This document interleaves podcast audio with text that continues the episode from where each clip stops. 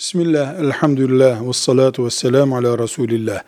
Anne karnındaki cenin, yani bebek adayı, bir müdahale ile, özürsüz bir müdahale ile düşürüldüğü zaman veya kürtajla alındığı zaman, tabi tıbbi bir müdahale, şeriatın izin verdiği bir müdahale ile alınır ayrı bir mesele.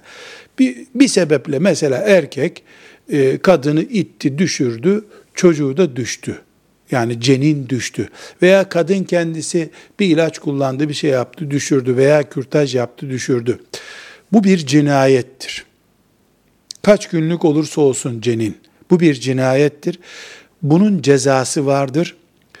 210 gram altın civarında bir ceza ödenmesi gerekir. Adeta onu bir canlı insan kabul ediyoruz. Öldürüldü de ona e, diyet ödedik gibi kabul ediyoruz.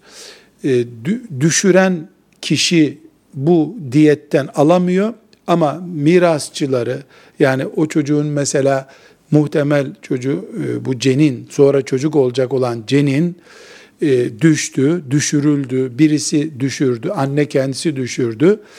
E, onun annesi babası, ceninin annesi babası kardeşleri bu 210 212 gram civarında bir ceza bu.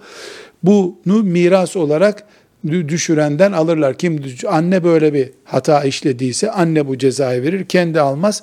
Diğer mirasçılarına verir. Ve muhakkak istiğfar etmek, tövbe etmek, Allah'ın affı için gözyaşı akıtmak gerekir. Bu mini demeyeceğim. Tam bir cinayettir çünkü. Buradaki o 210 gram altın cezaya da gurre adı verilir. Velhamdülillahi Rabbil Alemin.